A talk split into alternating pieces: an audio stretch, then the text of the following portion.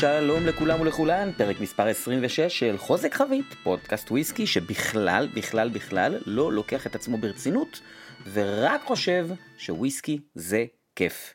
היום אנחנו עם פינת מונח ארוכה יחסית, שבה אנחנו נחבר ונקשור בין פינות המונח על חביות ועץ, לבין כל תהליך הייצור שהיה לפני כן, בו הגענו לנקודה שיש לנו ביד New Make. לאחר מכן פינת חדשות עם כמה ביטויים חדשים. פינת היסטוריה קצרה יחסית על מזקקה שאני מדבר עליה הרבה לאחרונה, ופינת עומף תואם עם שני בקבוקים מאוד לא נגישים ומאוד מאוד מאוד טעימים מהמזקקה שאני הכי אוהב. בואו נתחיל.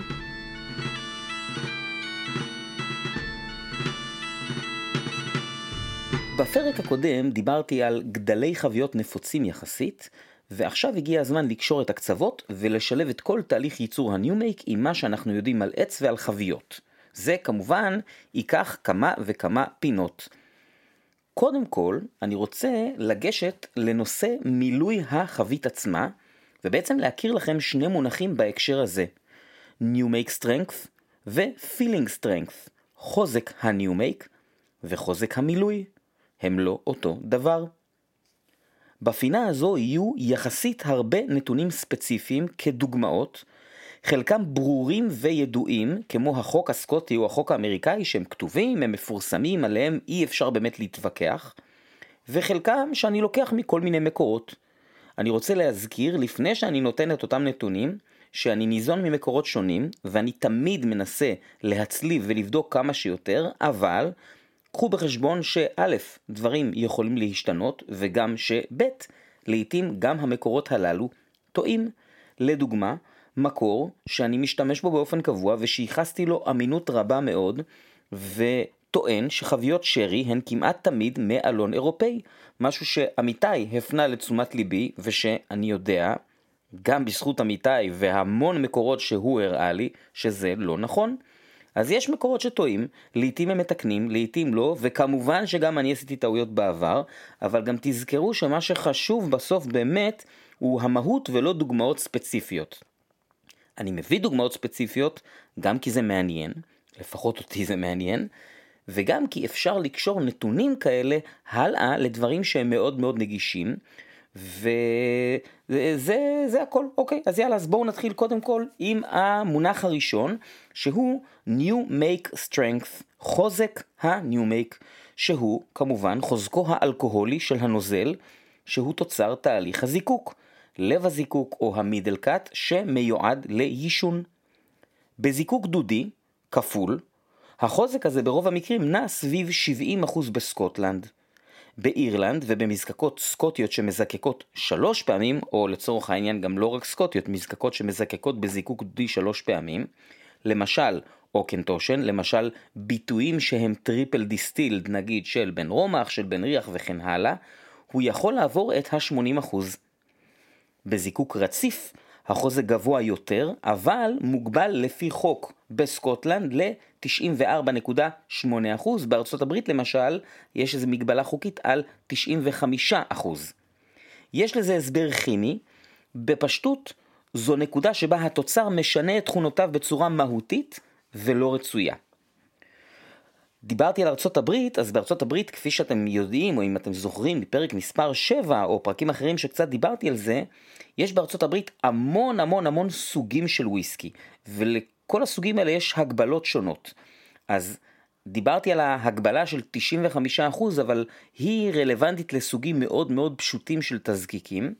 בתזקיקים קצת יותר, נקרא לזה, אה, אני לא רוצה להגיד מפוקחים, אבל אה, שיש להם יותר בקרת איכות, כמו התזקיקים או הוויסקי האמריקאי הנפוץ ביותר שהם ברבן, אה, ראי וטנסי למשל, הוויסקי מזוקק למקסימום של 80%. אז זה המונח הראשון, חוזק Make, מה יצא מדוד סלש עמוד הזיקוק. המונח השני שאנחנו מכירים היום, והוא יותר מורכב, הוא feeling strength, חוזק המילוי, כלומר, החוזק של הנוזל שנכנס לתוך החבית עצמה. ברובם המכריע של המקרים לא מדובר באותו חוזק, וזאת המהות האמיתית של פינת המונח הזו. Make עובר דילול בטרם כניסתו לחבית ברוב המקרים. השאלות שאני אנסה לענות עליהן הן ראשית, עד כמה הניומק מדולל, ושנית, מדוע הוא מדולל. בואו נתחיל עם עד כמה הניומק מדולל. בארצות הברית זה מאוד פשוט, יש חוק. החוק הזה מגביל את חוזק המילוי בברבן, ראי וטנסי ועוד כל מיני סוגים של וויסקי ל-62.5% אלכוהול ולא יותר. כלומר, את make שמוגבל ל-80% צריך למהול למקסימום של 62.5% אלכוהול אה, לפני שהוא נכנס לחבית. בפועל, מזקקות רבות ממלאות את החביות אפילו באחוז נמוך יותר. אני אתן לכם כמה דוגמאות שאני מכיר. ויילד טרקי שממלאת את החביות ב-57.5% וזאת לאחר שהיא עלתה, כלומר האחוז היה יותר נמוך, הוא היה 52.5%. Maker's Mark ממלאת ב-55% ולמשל Michter's לרוב ימלאו ב-51.5% אלכוהול אבל יש להם גם ביטויים שהם מראש ממלאים ב-62.5%. לעומת ארצות הברית, בסקוטלנד ובאירלנד אין חוק. חוזק המילוי בחלק גדול מהמזקקות בסקוטלנד פשוט נהוג שהוא עומד על 63.5% אלכוהול. יש מספר יוצאי דופן, אני מניח שאני לא יודע ושאי אפשר לדעת אפילו את כולם, אני אציין כמה דברים שאני מכיר. היילנד פארק ממלאת את החביות ב-69.8%, אברלור ב-69.1%, נוקנדו דווקא ממלאת בטיפה פחות, ב-63% עגול, והדוגמה האולטימטיבית שהולכת להמשיך איתנו לפינת עומף תואם, ברוכלדי, בחוזק המילוי, הוא חוזק הניומייק. 68.5% למיטב ידיעתי, למרות שמקורות אחרים ראיתי גם 70%, ושוב פעם, מה שחשוב פה בעיניי הוא המהות. והמהות היא, ברוכלדי לא מדללים את הניומייק בכלל כעניין של עיקרון. מי שזוכר את הטעימה העיוורת שעשיתי עם המאזין סין, אחד הדברים שהיו מוזרים באותה חבית של ברוכלדי שטענתי חבית אקס סוטרן, היה חוזקה הנמוך יחסית לגילה. בפינת ההיסטוריה על גלן גוין שמעתם שיש גם מזקקות שמתנהגות בצורה שונה עם חביות שונות. חביות ברבן ושרי ממולאות, ממולאות סליחה, בגלן גוין ב-63.5%, אבל חביות אחרות, למשל חביות יין כמו זו שטעמתי, ממולאות בחוזק של 69.8% ממש כמו היילנד פארק. מעניין אם יש קשר לבעלות המשותפת בעבר תחת אדרינגטון לשתי המזקקות הללו. לציין שגריין וויסקי לרוב ימולא בחוזה גבוה יותר, סביב 70-71% אלכוהול.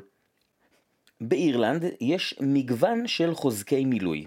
אני אתן שני נתונים שהם מאוד שונים אחד מהשני, ואני דווקא מתחיל עם הגבוה, שהוא מתקשר לברוכלדי היסטורית. Waterford ממלאת גם היא בחוזק ה new make 71 דרך אגב, Waterford שלא כנהוג ברוב המזקקות האיריות מזקקת רק פעמיים, אז חוזק ה new make שלה הוא כזה, הוא לא מעל 80. לעומת Waterford, Teeling ממלאת את החביות ב-62 עוד כמה נתונים מהעולם הגדול.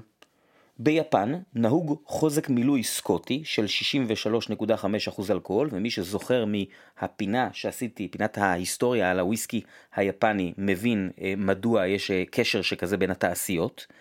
מקמיירה השוודית למשל ממלאת ב-63%, והדבר הכי מעניין שקראתי הוא שעקב תקנות שקשורות לכיבוי אש, מזקקת ננטו מטיוואן ממלאת את החביות שלה ב-59.5% אלכוהול, מכיוון שמעל 60% אלכוהול היא תיאלץ להשקיע הרבה מאוד כסף ומשאבים בנושא כיבוי האש במחסני היישון.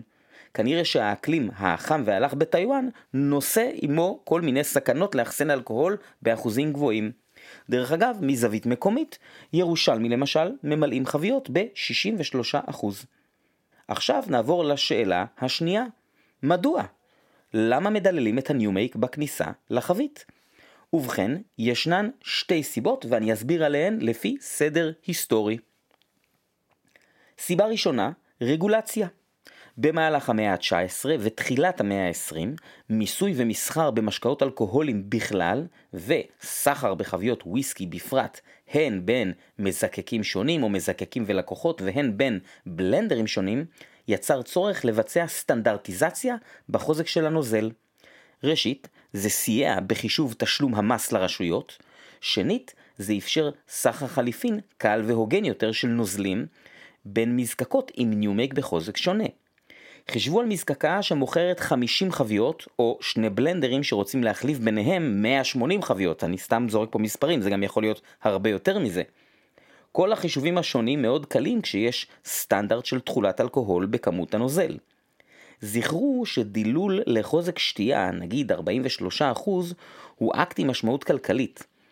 לדלל חבית עם 71% אלכוהול מניב הרבה יותר בקבוקים מאשר לדלל חבית עם 64% אלכוהול. לכן ערכה שונה ללא קשר לאיכות הנוזל או טעמו. כמובן שהיום אין פקידי מס בכל מזקקה וגם הרבה יותר קל פשוט למדוד אלכוהול בנוזל, יש מכשירים שעושים את זה ממש בשבריר של רגע. עדיין המנהג הזה נשמר. מדוע? נעבור לסיבה הבאה. הסיבה השנייה היא מדע.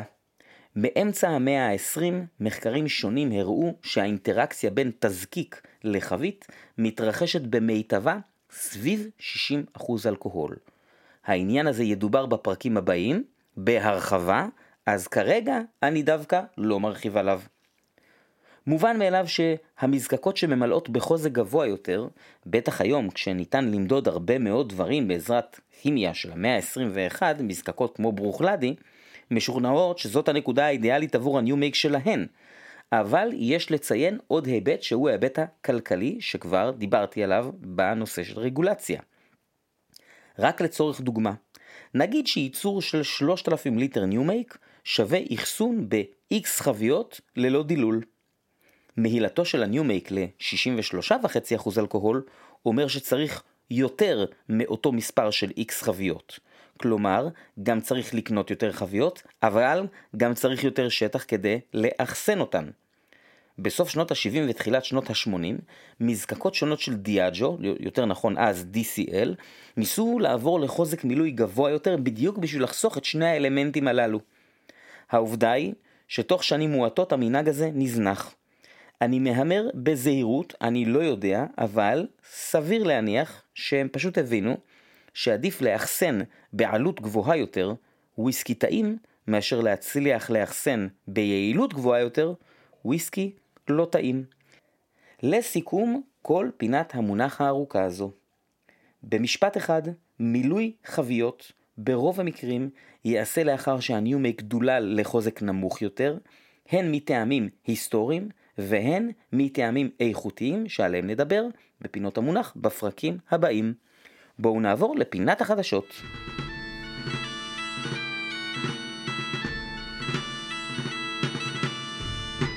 אני מתחיל עם אייטם ממזקקת גלן מורנג'י שמשיקה עוד מהדורה, והפעם ב finish מרסלה בשם A Tale of Winter. הוויסקי בן 13 ולפני ה finish הסיציליאני הוא התיישן בחביות ex bourbon. מבוקבק ב-46% אלכוהול ומחירו צפוי להיות כ-75 פאונד. אני ממש אוהב את התווית שלו, שמדברת חורף, יש שם מין עיצוב כזה שמזכיר סוודר, ואיזה כיף זה לא לקחת את עצמך ברצינות מדי. אה, אני לא כל כך אהבתי את העיצוב של ה-Tale of Cake, אבל פה דווקא ה-Tale of Winter הזה, זה נחמד מאוד. אני עובר לאייטם הבא, שאני מניח שהולך לרגש לפחות חלק מהמאזינים והמאזינות. בונה האבן משיקים ביטוי של 12 שנה, ה-12 שנה האהוב שלהם, בחוזק החבית. הראשון שייצא בשנת 2021 יהיה בחוזק של 55.1% אלכוהול, והבאצ'ים אמורים להיות שנתיים ובאחוזים משתנים, כלומר יהיה דומה נגיד לתמדו Batch Strength ולא כמו נגיד גלן פרקלס 105 שהוא חוזק חבית אבל שהוא בחוזק קבוע.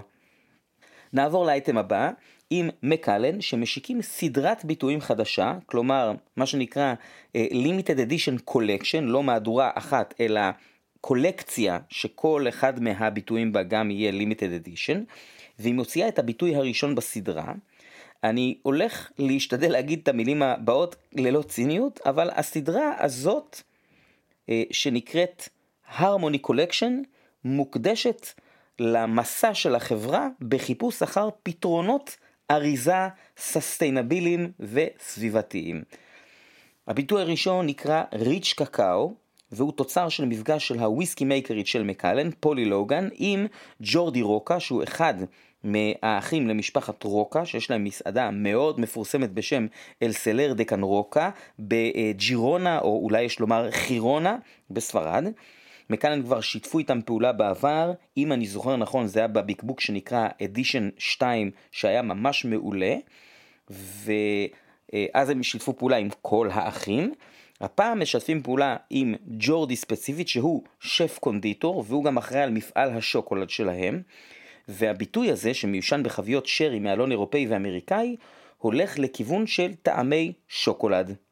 גם האריזה שלו עשויה מ by product של ייצור שוקולד, כלומר היא גם מחזור בפני עצמה של חומרים וגם ניתנת למחזור. מה שהכי אהבתי הוא אחוז האלכוהול, 44% ולא 40%, זה נחמד. המחיר צפוי להיות 115 פאונד. ביקבוק חדש נוסף הוא הביטוי הסדרתי הראשון ממזקקת Clydeside אשר שוכנת בגלסגו. המזקקה הקטנה הזו אשר מייצרת כחצי מיליון ליטר new make בשנה, החלה לייצר בנובמבר 2017.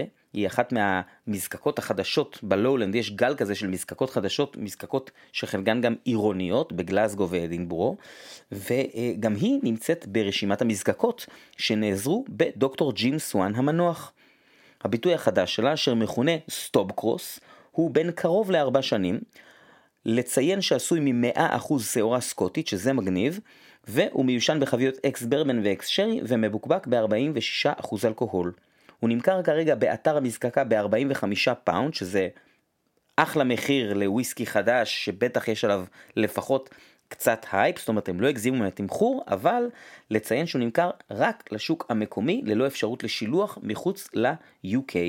אני קראתי עליו רשמים רק משני אנשים שפשוט סתם כתבו שהם טעמו אותו ולא כל כך נהנו, אה, ואמרו שה new make אה, הרגיש להם שהבטיח יותר, אני לא טעמתי.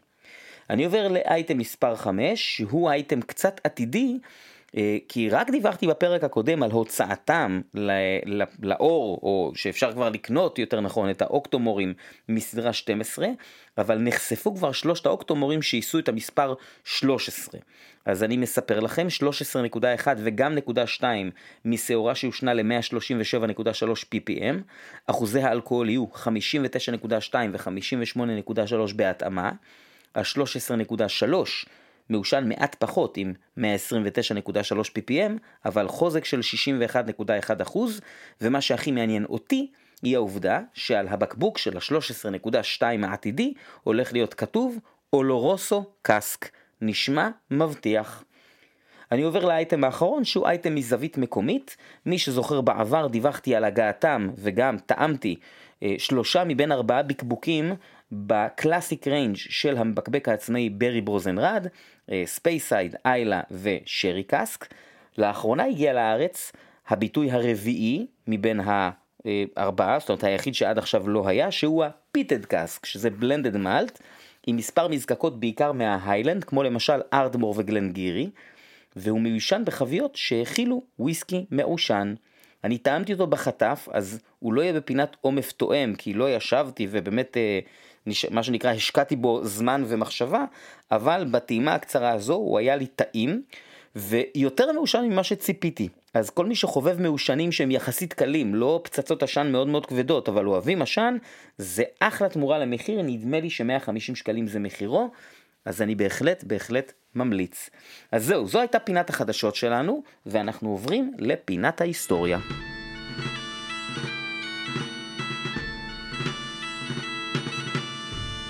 היום בפינת ההיסטוריה אני רוצה לספר על מזקקת בלמנח. המזקקה הזאת תפסה אותי לפני שנה וחצי או שנתיים ככה, כשטעמתי עם הדוק בקבוק שלה מבית בלקאדר, למען האמת עוד לפני שהדוק בכלל התחיל לייבא וויסקי. ומאז טעמתי עוד כמה וכמה בלמנחים, ואני פשוט מצאתי את עצמי מוקסם מהמזקקה הזו. לכן, אני אספר עליה קצת עכשיו, אבל אני גם עושה פה ניסוי. את שלוש הסדנאות הראשונות של ה pod עשיתי על שלוש מזקקות מאוד מפורסמות ומוכרות, Glenmorangie, Talisker ו Lagavulin. הסדנה הרביעית של ה pod הולכת להתקיים ב-18 ל-11, 18 בנובמבר, יום חמישי בערב. היא תתקיים כמו הסדנאות הקודמות בזום כדי לאפשר למשתתפים מכל הארץ לקחת חלק בה. אני עושה פה איזה stop ואומר שאני ממש ממש אוהב את הקטע הזה, שביום חמישי בערב אני יושב בתל אביב ואני תואם יחד עם אנשים שגרים לצורך העניין בקיבוץ יגור, אה, רמלה, באר שבע, חיפה וירושלים ו- ורמת גן, ומישהו שגר אולי שני רחובות ממני, וכולנו תואמים וויסקי ביחד, וזה ממש ממש אחלה שלא צריך לנהוג ולנסוע וכו' וכו', כבר דיברתי על העניין הזה. אז אמ, אנחנו הולכים לטעום שמונה בלמנחים שונים, ובניגוד לעבר, אני לא מפרסם טופס הרשמה בעמוד הפייסבוק של ה pod, מכיוון שבפעם האחרונה הסדנה הייתה sold out עם רשימת ממתינים אחרי בערך שעתיים. אני לא בטוח שכל מי שנרשם שם באמת גם מאזין ל pod, ואני רוצה לתת הזדמנות למאזינים להירשם. אז אם האזנתם, ואתם או אתן מעוניינים להירשם לסדנה, תשלחו לי בבקשה הודעה או בטוויטר או בפייסבוק או לעמוד של חוזק חבית. עלות ההרשמה, ממש כמו בסדנה הקודמת, 290 שקלים, אה, כולל משלוח כמובן. וכמובן שמספר המקומות מוגבל, אז אם תירשמו מאוחר מדי, אני אתנצל מראש, ועכשיו קצת נדבר על ההיסטוריה של מזקקת בלמנח. אז המזקקה הזו היא בעצם הייתה מזקקת חווה בדרום הספייסייד, והמזקקה והחווה היו שייכות למשפחה בשם משפחת מגרגור, ולמרות ששנת ההקמה הרשמית היא 1824, כנראה שהמזקקה הזו עברה, עבדה בצורה לא חוקית לפני כן, ורק הוציאה רישיון באותה השנה. יש איזה מין אה, סיפור כזה שהגיע מוכס ושאל את הבעלים של החווה, הצביע לה, אה, לא יודע אם לקרוא לזה צריף, כן, אבל אה, הביטן או המבנה שבו היה הדוד זיקוק, ושאל אותו מה יש שם, והבעלים אמר לו it's just a pitch head, זאת אומרת זה, זה רק מין אה, מחסן כזה בשביל כבול. אז המוכס אמר לו אולי כדאי שתוציא רישיון למחסן כבול הזה. אז זה מין סיפור כזה שאני לא יודע אם הוא נכון או לא, אבל מספרים אותו בהקשר של ההיסטוריה של בלמנח, אה, ונראה גם ששמה המקורי היה בלמינוך, והפירוש בגלית זה החווה האמצעית או החווה שבאמצע. אה, מעניין מאוד שחלק מההיסטוריה של המזקקה הוא גם לא לחלוטין מוסכם. כלומר, ברוב המקורות, המזקקה נשארת ברשותם של משפחת מגרגור עד 1922, ואז היא עוברת לידיים של מה שיהיה אחרי זה DCL, אבל אצל כמה מקורות, הרבה הרבה פחות, מצוינת עוד ים באמצע, שבעצם מ-1897 עד 1922, אה, בלמנח הייתה שייכת לגלן ליבט. אז אני לא יודע אם זה נכון, אני עד הסדנה אנסה לברר, אולי אני אצליח למצוא משהו שלא הצלחתי למצוא בהכנה לפרק הזה. בכל אופן, ב-1941 המזקקה נסגרת בשל מלחמת העולם השנייה, כבר שמענו על זה גם בפינות היסטוריה קודמות, מגבלות שונות על תעשייה, על שימוש בדגנים, אז אנחנו כבר מכירים את הנושא הזה. בלמנח שבה לפעול רק ב-1947, ובמזקקה בעצם היו שני זוגות של דוודים, אשר הפכו לשישה, סליחה, אני מתקן, היו שני זוגות שהפכו לשלושה זוגות, כלומר היו ארבעה דוודים והם הפכו לשישה, זה קרה ב-1962.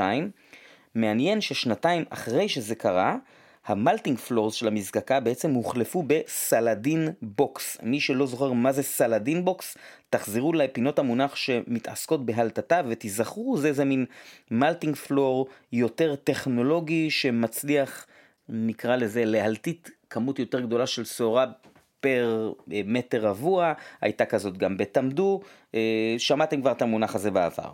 בכל השנים האלה בלמנח כמעט ולא בקבקה את הסינגל מלט שלה, התוצרת שלה הלכה לבלנדים. ב-1993, כמו הרבה מזקקות בסוף שנות ה-80 וה-90, המזקקה אה, הושבתה. היא לא נסגרה, אבל פשוט הפסיקו לייצר שם וויסקי, ובעצם ארבע שנים אחרי כן היא נמכרה לחברה בשם Inver House ונפתחה מחדש. בלי להיכנס לפרטים יותר מדי אה, מעמיקים, Inver House היא חברה שהיא בעצמה יש לה היסטוריה מעניינת, והיום יש בבעלות Inver House חמש מזקקות מלט, חוץ מ Balmenach יש גם את Knockdhu שמייצרת את הוויסקי anCnoc, את Speyburn, Balblair ו Old Pulteney, והיא גם מייצרת כמה וכמה, או יותר נכון, מערבבת, לא מייצרת כמה וכמה בלנדים, המוכר מביניהם נקרא Hankey Bannister. בנוסף, ופה קבלו המלצה חמה, ב Balmenach מאז שנת 2009 מיוצר ג'ין סקוטי מעולה בשם Caorunn Gin. אני ממש ממש ממש ממליץ על קרון, זה פשוט אחלה ג'ין שבעולם, לפעמים יש אותו גם בדיוטי פרי בארץ, למצוא אותו בחו"ל אפשר אה, די בקלות, אה, בארץ אני חושב שהוא לא אה, נמצא, ובאופן משעשע, הכי הרבה תמונות וסרטונים שאתם תראו שקשורים לבלמנח, זה אם תחפשו מידע על קרון ג'ין ולא על הוויסקי של בלמנח. אה, אני רוצה לציין שמאז 2001 אינברהאוס בעצמה גם כן כבר אינה עצמאית אלא שייכת לתאגיד גדול מתאילנד. התאגיד הזה הוא בעלים של אה, מזקקות, אה, מבשלות וכן הלאה, יש לו כל מיני מפעלי אלכוהול ומותגי אלכוהול שונים. אני חושב שכנראה הבירה הכי מפורסמת שלו נקראת Chang, יש לו כל מיני תזקיקים תאיים וסינים, כמו למשל ברנדי שנקרא Meridian, וליקר וויסקי די מוכר שנקרא Stroma. קצת מבחינה טכנית, Balmenach היא מזקקה מעט מיושנת, אבל מבחינת Inver House זה סוד הקסם שלה, ונראה שהם לא מתכוונים לשנות או להעביר אותה תהליכי מודרניזציה. המזקקה היא מין פאזל כזה, שבו מצד אחד לדודים שהם יחסית לא גדולים, יש בויל בלבס שמגבירות את הריפלקס, אבל מצד שני, הזיקוק מהיר, הצוואר נוטה כלפי מטה, והמעבים הם מסוג וורמטאבס, שאלו הם דברים שדווקא מפחיתים את המגע עדים נחושת והופכים את התזקיק לכבד יותר. התוצאה היא new make פירותי, אבל עם כובד, שמתיישן ממש טוב בחביות שרי, וגם נותן משקל טוב לבלנדים. אפשר לומר שזו מין מזקקה שיש בה מין המשותף ל Benrinnes ול Mortlach, ואני מאמין שהדוק היה גם אומר ל Dailuaine. אז אם בא לכם לטעום שמיניית Balmenach יחד איתי, אתם מוזמנים להצטרף לסדנה ב-18 לנובמבר, צרו איתי קשר בכל שאלה, ובואו נעבור לעומף תואם.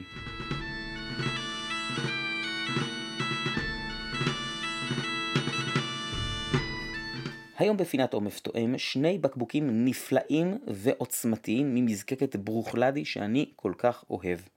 האחד הוא ברוכלדי, כלומר שאינו מעושן, והאחר הוא פורט שרלוט, כלומר הוא כן מעושן. נתחיל עם הראשון. תעודת זהות ברוכלדי, סדרת החביות הבודדות שנקראת Micro Provenance, או בקיצור MP, בקבוק מיוחד לצרפת, זוקק 30 לספטמבר 2009, בוקבק 9 ליולי 2019, כלומר רשמית הוא בן 9, בתכלס הוא בן 9 ועשרה חודשים. חבית יין קינוח צרפתי בשם ז'ורנסון, שהניבה 294 בקבוקים בחוזק החבית, 63.6% אלכוהול. לציין שהבקבוק שלי הוא בקבוק מספר 2, שזה כמובן חסר משמעות לחלוטין, אבל מגניב. טעימה ראשונה, באף הוא סגור מאוד.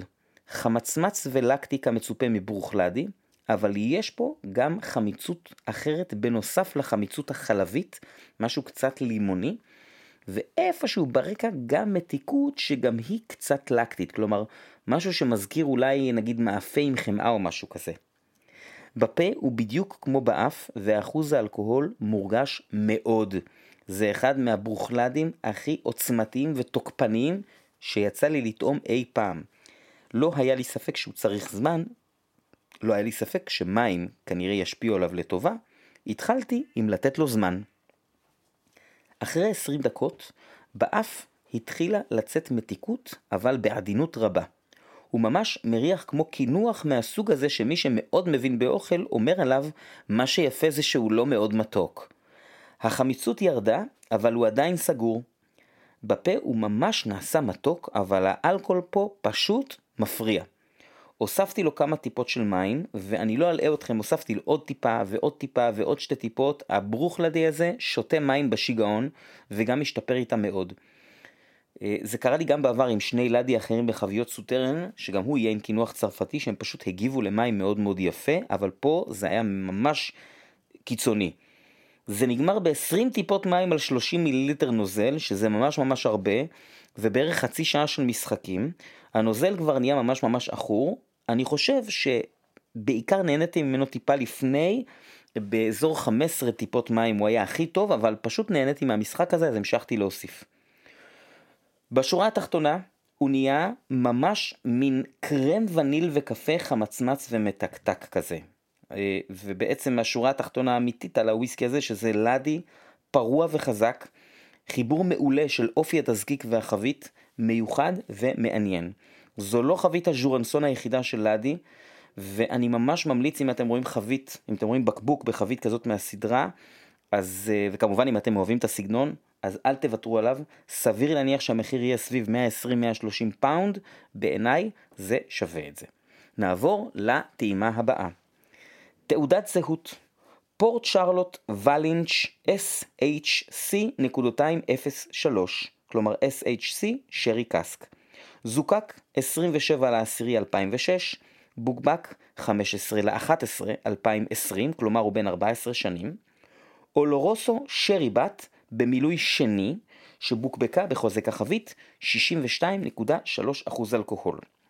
היות שבקבוקי ולינץ', כלומר בקבוקים שאפשר לקנות רק במזקקה עצמה, מבוקבקים בנפח של חצי ליטר ולא 700 מיליליטר, יצאו פה הרבה בקבוקים, זאת אומרת זאת גם שרי בת חבית של 500 ליטר וגם בקבוקים של חצי ליטר, יש 793 בקבוקים שיצאו מהחבית הזו. טעימה ראשונה, האף סגור מאוד. יש שם מעט מאוד עשן שבא לידי ביטוי במשהו שהוא בעיקר אפר. הדבר היחיד שבאמת הורגש לי בבירור הוא השרי והוא הורגש היטב. שרי יבש, קצת אולד סקול כזה, אבל שוב זו רק המזיגה הראשונה.